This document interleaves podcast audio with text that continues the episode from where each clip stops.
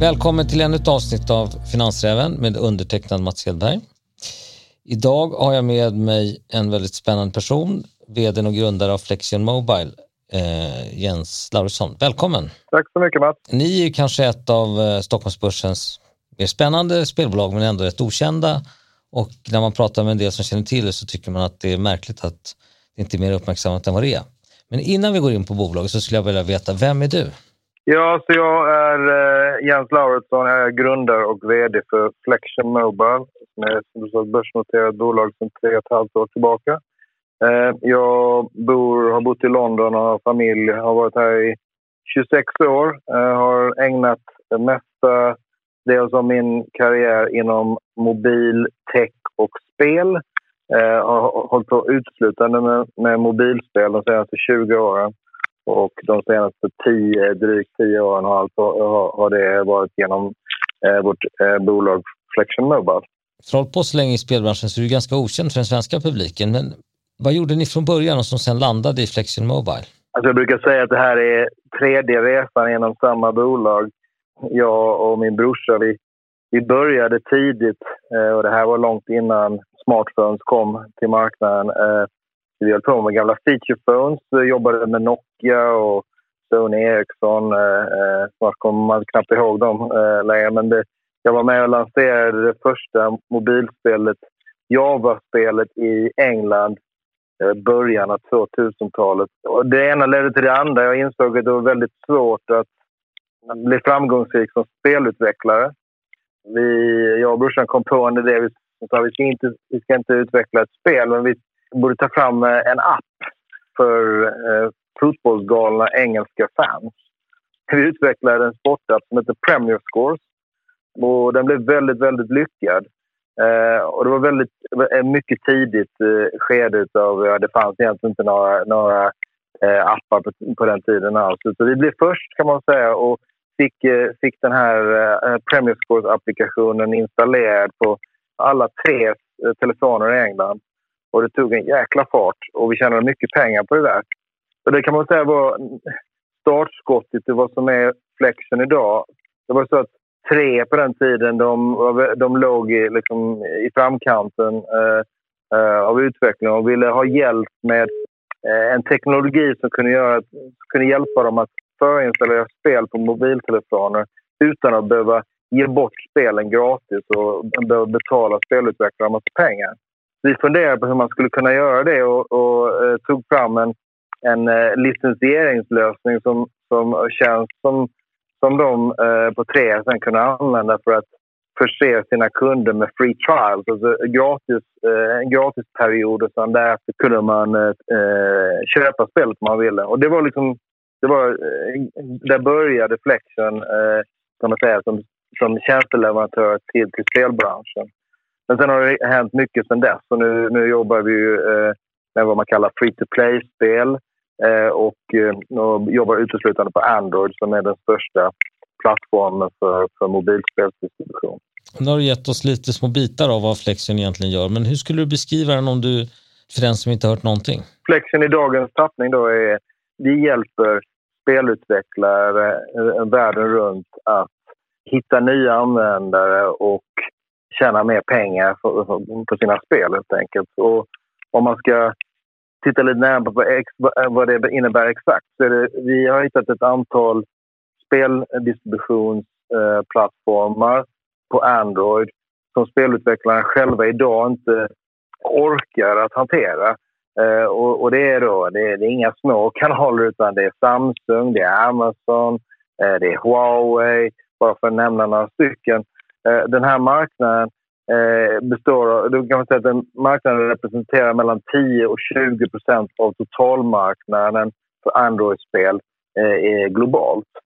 Och då ska man inte glömma bort att den totala spelmarknaden, Android-spelmarknaden, är värd 50 miljarder dollar om året.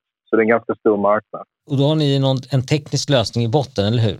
Ja. Som gör det här möjligt på ett smidigt sätt, så att man inte behöver skriva om koden och så. Vi började som en teknisk eh, enabling-tjänst kan man säga. Det var ju lite grann då, om vi går tillbaka till tiden med tre på, i början av 2000-talet, så så, så började vi utveckla och patentera teknologi för hur man, hur man kan göra förändringar i spel utan att behöva källkod.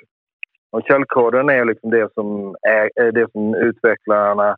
Det är deras eh, mest värdefulla tillgång kan man säga och den delar de gärna inte med sig. Så vad vi eh, har patenterat idag är en, en metod för att använda eh, en existerande spelfil som vi sen kan ompaketera och, eh, eh, integ och då integrera till exempel payment betalningsmetoder som krävs av Samsung, Huawei etc. Så vi gör det väldigt, väldigt enkelt för spelutvecklare att komma igång med distribution på nya plattformar utan att själva behöva eh, lägga ner en massa eh, tid på det. Och det var liksom där det började.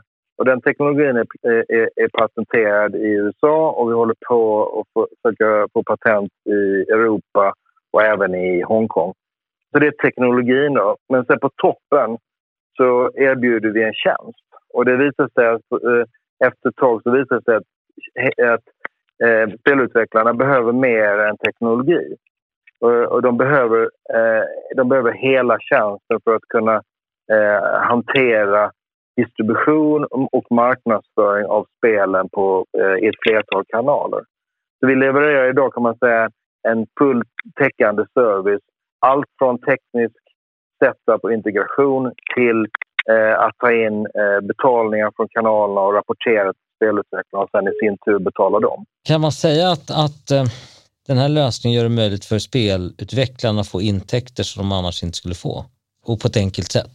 Man kan säga så, ja absolut. Eh, och det är så att, eh, idag så är spelutvecklarna eh, det finns väldigt, väldigt mycket spel och, och de spelen, de flesta spel kan man få tag på genom eh, Google Play på Android och eh, genom App Store på, på, eh, på iOS. Eh, det är de två eh, absolut största distributionskanalerna. Men de kanaler som vi jobbar med de, de representerar då mellan 10 och 20 procent av totalmarknaden. Och man kan väl säga då att om inte spelutvecklarna tar möjligheten att, möjligheten att distribuera i de här kanalerna på grund av eh, alternativkostnader etc så får de inte, får de inte den tillväxten som vi erbjuder. Så vi, vi, vi erbjuder pengar som de inte har idag. Vad tycker distributörerna om det här? För ni är någon mellanhand som möjliggör, kan man säga det? App Stores, butikerna, de vill ju ha tillgång till alla de bästa spelen. Men det spelar liksom inte så stor roll om du är om du, om du bara representerar, om du är Amazon och kanske representerar mellan 3 till 5 procent av totalmarknaden så är det fortfarande en ganska liten kanal. När vi aggregerar ihop alla de kanalerna som vi representerar eh, och, får, eh, och, och, och plötsligt då har en, en distributionskanal som är 10-20 procent av totalmarknaden, då är det plötsligt intressant för spelutvecklaren eh, att distribuera med oss. Så, så man kan säga att eh, spelbutikerna vi är, vi är deras bästa vän. För vi, vi erbjuder dem spel som de annars inte kan få tillgång till. Och generellt sett, hur har, hur, ta, hur har den här rollen som ni har utvecklat tagits emot? Alltså när vi började, kan man säga, när vi gick... Eh, vi, vi var ute i, i bräschen och pratade om, att, eh, om en marknad som inte, eh, som inte egentligen fanns. Så det var, det var liksom eh, spelutvecklarna och, och eh, hade väl liksom inte funderat så mycket på distribution utanför Google och Apple. Så det var vi som fick liksom sälja in hela konceptet. Men i takt med att marknaden har förändrats, man ska vara väldigt eh, klar över att trenden går mot en mer konkurrensutsatt marknad. Jag vet inte om ni har följt debatten runt eh, Epic och, och, Apple och hela eh, eh domstolsbeslut och eh, regleringar som sker i, i EU för att, för att förbättra konkurrens mellan, eh, mellan tjänsteleverantörer och, och, eh, eh, det, det, har ju gjort så att, att marknaden har blivit... Dels har man förstått att här finns en marknad för oss och, och, när man väl har börjat förstå det och inser att den är ganska intressant så inser man att oj, ja, det här kanske var lite jobbigt för oss. Och därmed har vi, vår roll vuxit över tiden. I takt med att vi har varit eh, aktiva då under de senaste åren så har, har vi gått från att ha ganska små spel till att ha betydligt större spel. Och när jag menar stora spel så pratar vi om, om spel som omsätter ja, upp till 200 miljoner kronor i månaden eh, i, i Google Play. Det är gigantiska spel vi pratar om och det är vårt fokus på topp, toppspelen i marknaden. Vi har en portfölj med ungefär 25 titlar idag och har under de senaste kvartalen i princip fördubblat värdet på den portföljen genom att vi har fasat ut mindre spel och ersatt dem med större spel. Du säger att ni har ungefär 25 spel och det är de bästa titlarna. Finns det någon begränsning för hur många spel ni kan ha ner eller är det bara inte intressant att, att, att marknadsföra de andra? Eh, det finns ingen teknisk begränsning på, egentligen på hur många spel vi kan jobba med utan det är väl snarare hur mycket eh, marknadsföring kan de få. Om vi kommer med en portfölj till en, till en eh, App Store så vill vi ju... Dels är vi störst, störst leverantör till de, de appstore som vi jobbar med. Och då vill vi kunna erbjuda spelutvecklarna bästa möjliga promotion som de kan få.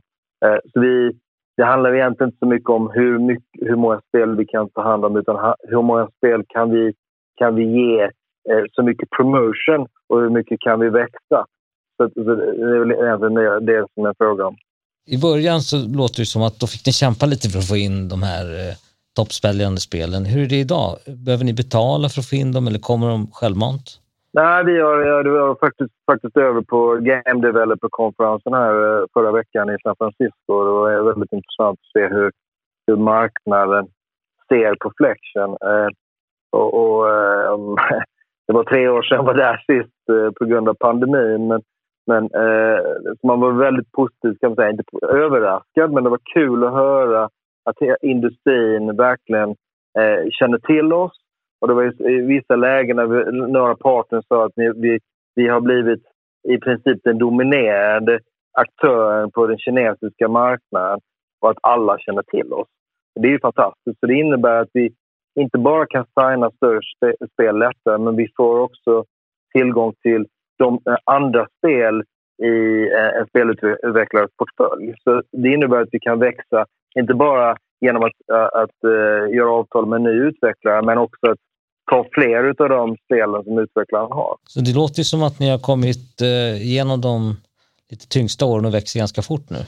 Den snabba tillväxten började väl egentligen då med, eh, ja, vad är det, två år sedan, i, runt pandemin Eh, och, och, har fortsatt. Vi ligger på mellan 40 och 60 procent tillväxt per år nu. Eh, vi gick ut med det i Market Guidance förra året. Vi klarade det utan problem eh, och vi har gått ut med eh, en liknande eh, guidance för det här året. Så att, eh, vi växer snabbt. Vi kommer kunna fortsätta växa på det här viset om vi lägger till eh, fler spel.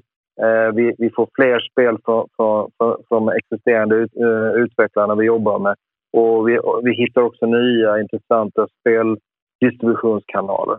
Jag kommer tillbaka till speldistributionen. Jag måste bara ha några kontrollfrågor. Hur, hur ensamma är ni om den här idén? man kan säga att när, när, när folk frågar oss om vad vi har för konkurrens så är det väl fortfarande så att do it yourself, eh, alltså spelutvecklaren gör det själva, är fortfarande kan man säga det som är...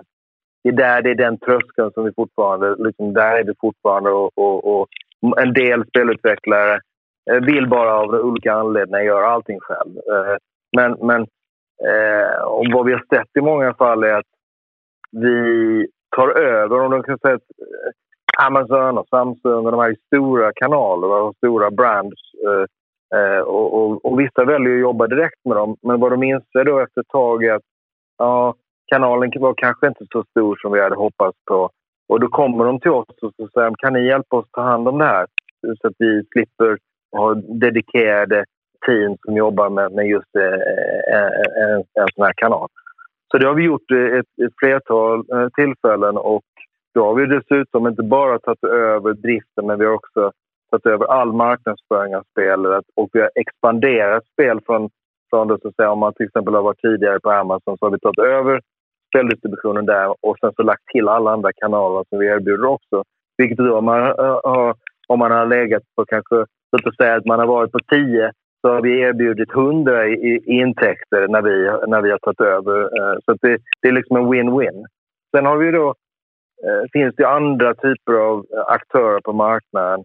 Unity till exempel, de, de är den största spelutvecklingsplattformen som de flesta mobilspelsutvecklare eh, använder. Eh, de tog fram eh, någon typ av teknisk lösning, men vad de inte insåg var då precis det jag sa innan att spelutvecklaren behöver mer än en teknisk, en teknisk tjänst. De behöver en he hela tjänsten, att, att drifta spelen och ta hand om promotion och allt sånt där. I princip kan man säga att Unity har lagt ner den tjänsten, så vi är i princip ensamma nu på marknaden och det, det är ju rätt angenämt faktiskt. Ja, det låter ju bra när man ändå har tillväxt i den som är bra. Hur lätt skulle du säga att det här är att kopiera från någon annan? Ja, alltså om man tittar på det rent tekniskt så är det... Först och främst så har vi gått igenom hela patenteringsprocessen. Så det, man, även om man då skulle, om man skulle eh, eh, roa sig med att försöka kopiera det här så är det skyddat. Alltså, men, men under ett tiotal år byggt eh, och, och, byggt på den här tjänsten eh, och det handlar inte så mycket om att liksom, kan man ta fram en liknande eh, enabling-teknologi. Det kan man absolut göra, men vad vi, har, vad vi har gjort är att vi har lärt oss kombinationer av hur spel ser ut, hur spelkodbaserna ser ut och beter sig. Så vi har liksom byggt eh, mer eller mindre artificial, intelligence runt hur spel är, är kodade. Om det kommer in ett spel med en viss kodbas ser, så förstår vår maskin hur, eh, hur den ska hantera eh, ett, ett sånt spel i vissa lägen. Så det är väldigt, väldigt svårt och det handlar, det handlar inte bara om hur mycket resurser, utvecklingsresurser man har utan det handlar om tid. Eh, hur, många, hur många spel man har, man har sett gå igenom plattformen och hur, hur många telefoner, hur många kanaler, betalning. Så allt det där kombinationen gör att det blir väldigt, väldigt svårt att kopiera någonting som fungerar. Det låter ju väldigt angenämt. Om man ändå skulle tvinga dig att säga, vad, vad, vad, finns det för risker med verksamheten? Finns det någon risk? Det är klart, det finns ju alltid risk. Eh, eh, men, men jag ser det som så att om man är för kortsiktig så, så, och underinvesterar i verksamheten eh, så är det en risk. Vi, vi, vi tittar alltid framåt. En, en, en, en av de stora anledningarna till att vi har vi har överlevt och inte bara överlevt utan har, har eh, gjort det väldigt framgångsrikt är att vi, och det var lite som jag sa innan, det är tredje resan inom samma bolag. Vi, vi, ser vad, vi ser vad som sker på marknaden och tar höjd för det och investerar tidigt eh, i, i prototyper och liknande. Så det är väldigt viktigt att, att, att, ha bra framförhållning, speciellt på en teknisk marknad som eh, förändrar sig fort. Eh, men vi har lyckats med det väldigt bra och det tänker vi fortsätta göra så, att, eh, så jag är inte speciellt orolig för det. Du sa en marknad som utvecklas fort. Vad är det för stora trender man kan se bland utvecklare, distributörer och spelare? Väldigt, väldigt spännande period just nu och det, det ser man då när man var över på Game Developer-konferensen eh, förra veckan. Det, det var mycket som har hänt på de senaste tre åren. Om man tittar på på distributionssidan, så vad är det som har hänt där? Jo, man, det är då, kan man säga det som jag pratade om innan, den regulatoriska sidan. De största spelutvecklarna är nu, de är inte rädda för Google och Apple längre. Så var det faktiskt för, för några år sedan. Man vågar liksom inte säga någonting utan det har, har varit ett duopol, eh, ett de facto duopol. Och det, men det håller på att luckras upp nu. Så det, och I takt med att det sker så börjar man pusha för lite för bättre villkor i både Google och Apple då, till exempel. Va? Eh, så att man får bättre revenue shares, man får eh, möjlighet att göra annorlunda eh, saker eh, än vad man har fått göra tidigare. Så till exempel nu, jag vet inte om ni har följt eh, debatten om Spotify, de fick godkänt nu eh, att använda egna betalningslösningar i Google Play. Mycket händer på den sidan vilket gör att det kommer bli mer konkurrens på distributionssidan, vilket är bra för spelutvecklare och är bra för, för slutkunderna. Sen har det hänt mycket andra saker också. Det, eh, det går knappt att undgå hela debatten runt NFT eh, och blockchain gaming. Och det är, det är en stor trend. Och den är ganska intressant för att ingen av de etablerade distributionsplattformarna idag eh, accepterar eller tillåter distribution av den typen av nya spel. Så vad som kommer ske på sikt är att vi får en en naturligt fragmenterad speldistributionsmarknad eh, med hjälp av då, eh, blockchain etc. etc.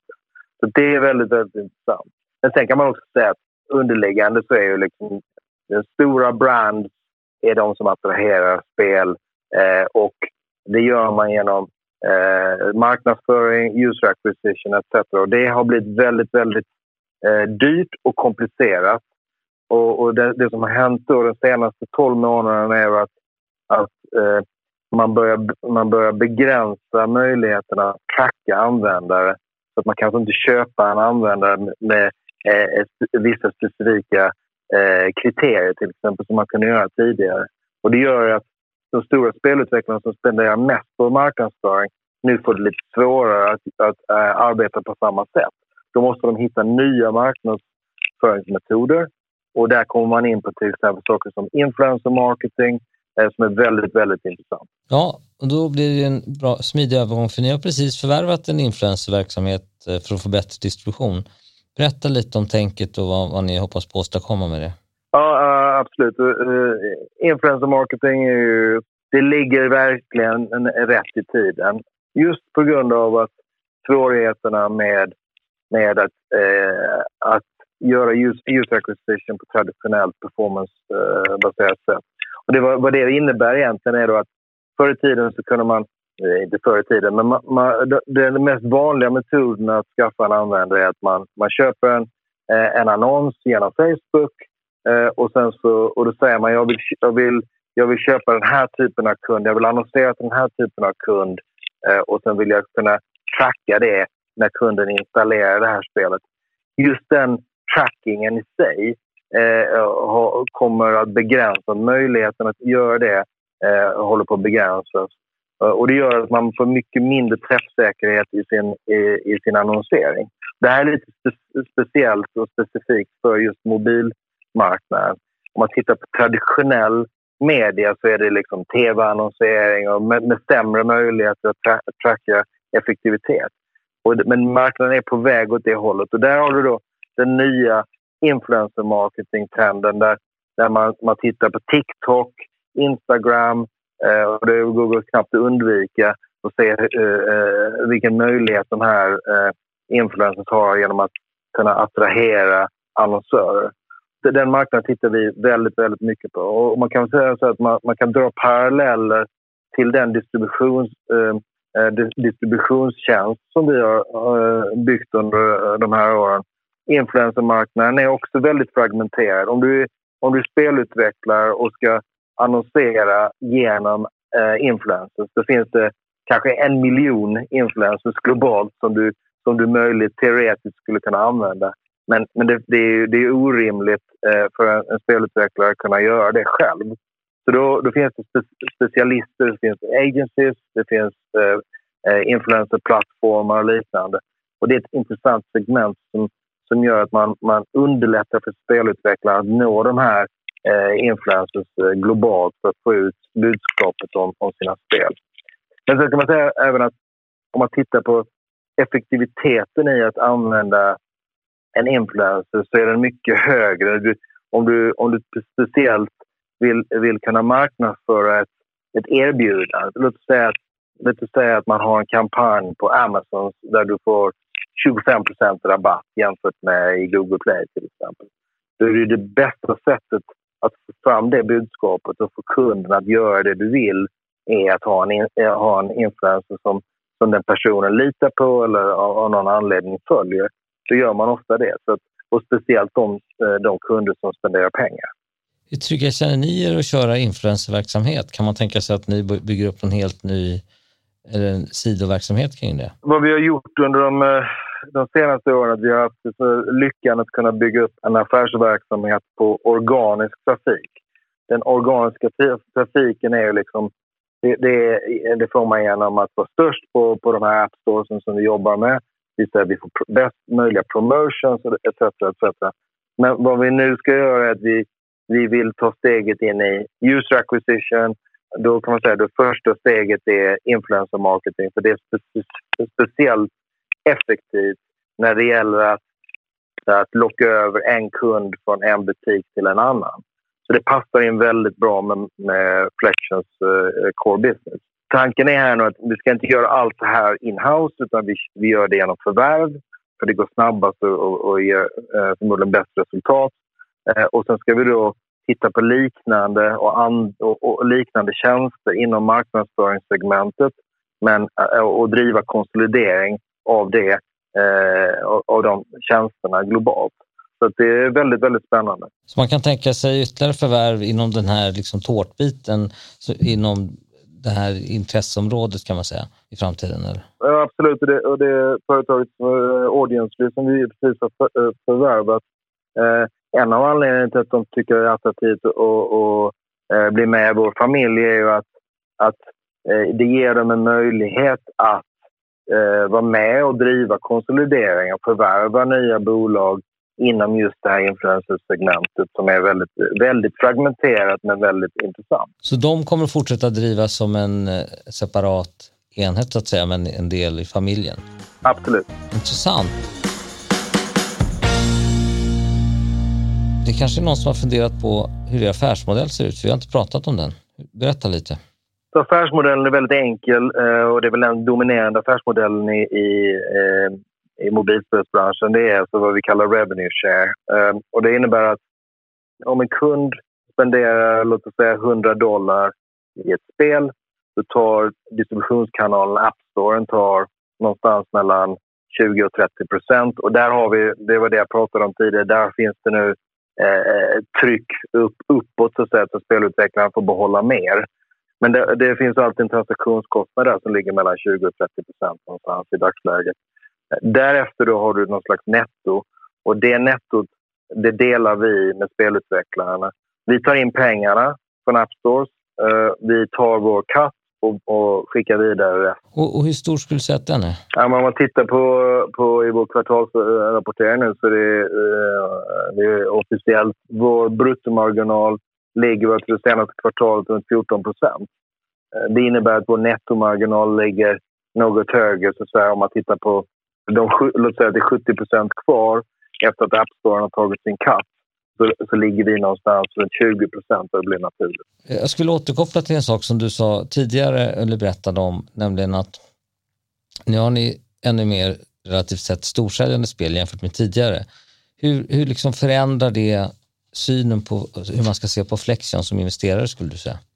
vad vi har lyckats med, och det vi väldigt väl de senaste ja, framförallt 12 månaderna. Vi beslutade oss för, för 12 månader sedan att fokusera mer eh, på större titlar och kanske inte så många titlar. Så vi, har, vi ligger väl eh, i takt med ungefär en till, en till två titlar per kvartal, eh, nya titlar. Då. Och då, vad vi har gjort är att vi har, vi har klättrat upp i rankingen kan man säga. Då. Och vi tittar, vad vi gör när vi, när vi är ute och, och säljer så att säga, till spelutvecklare så tittar vi på, eh, på spel som tjänar över en miljon dollar i månaden i Google Play.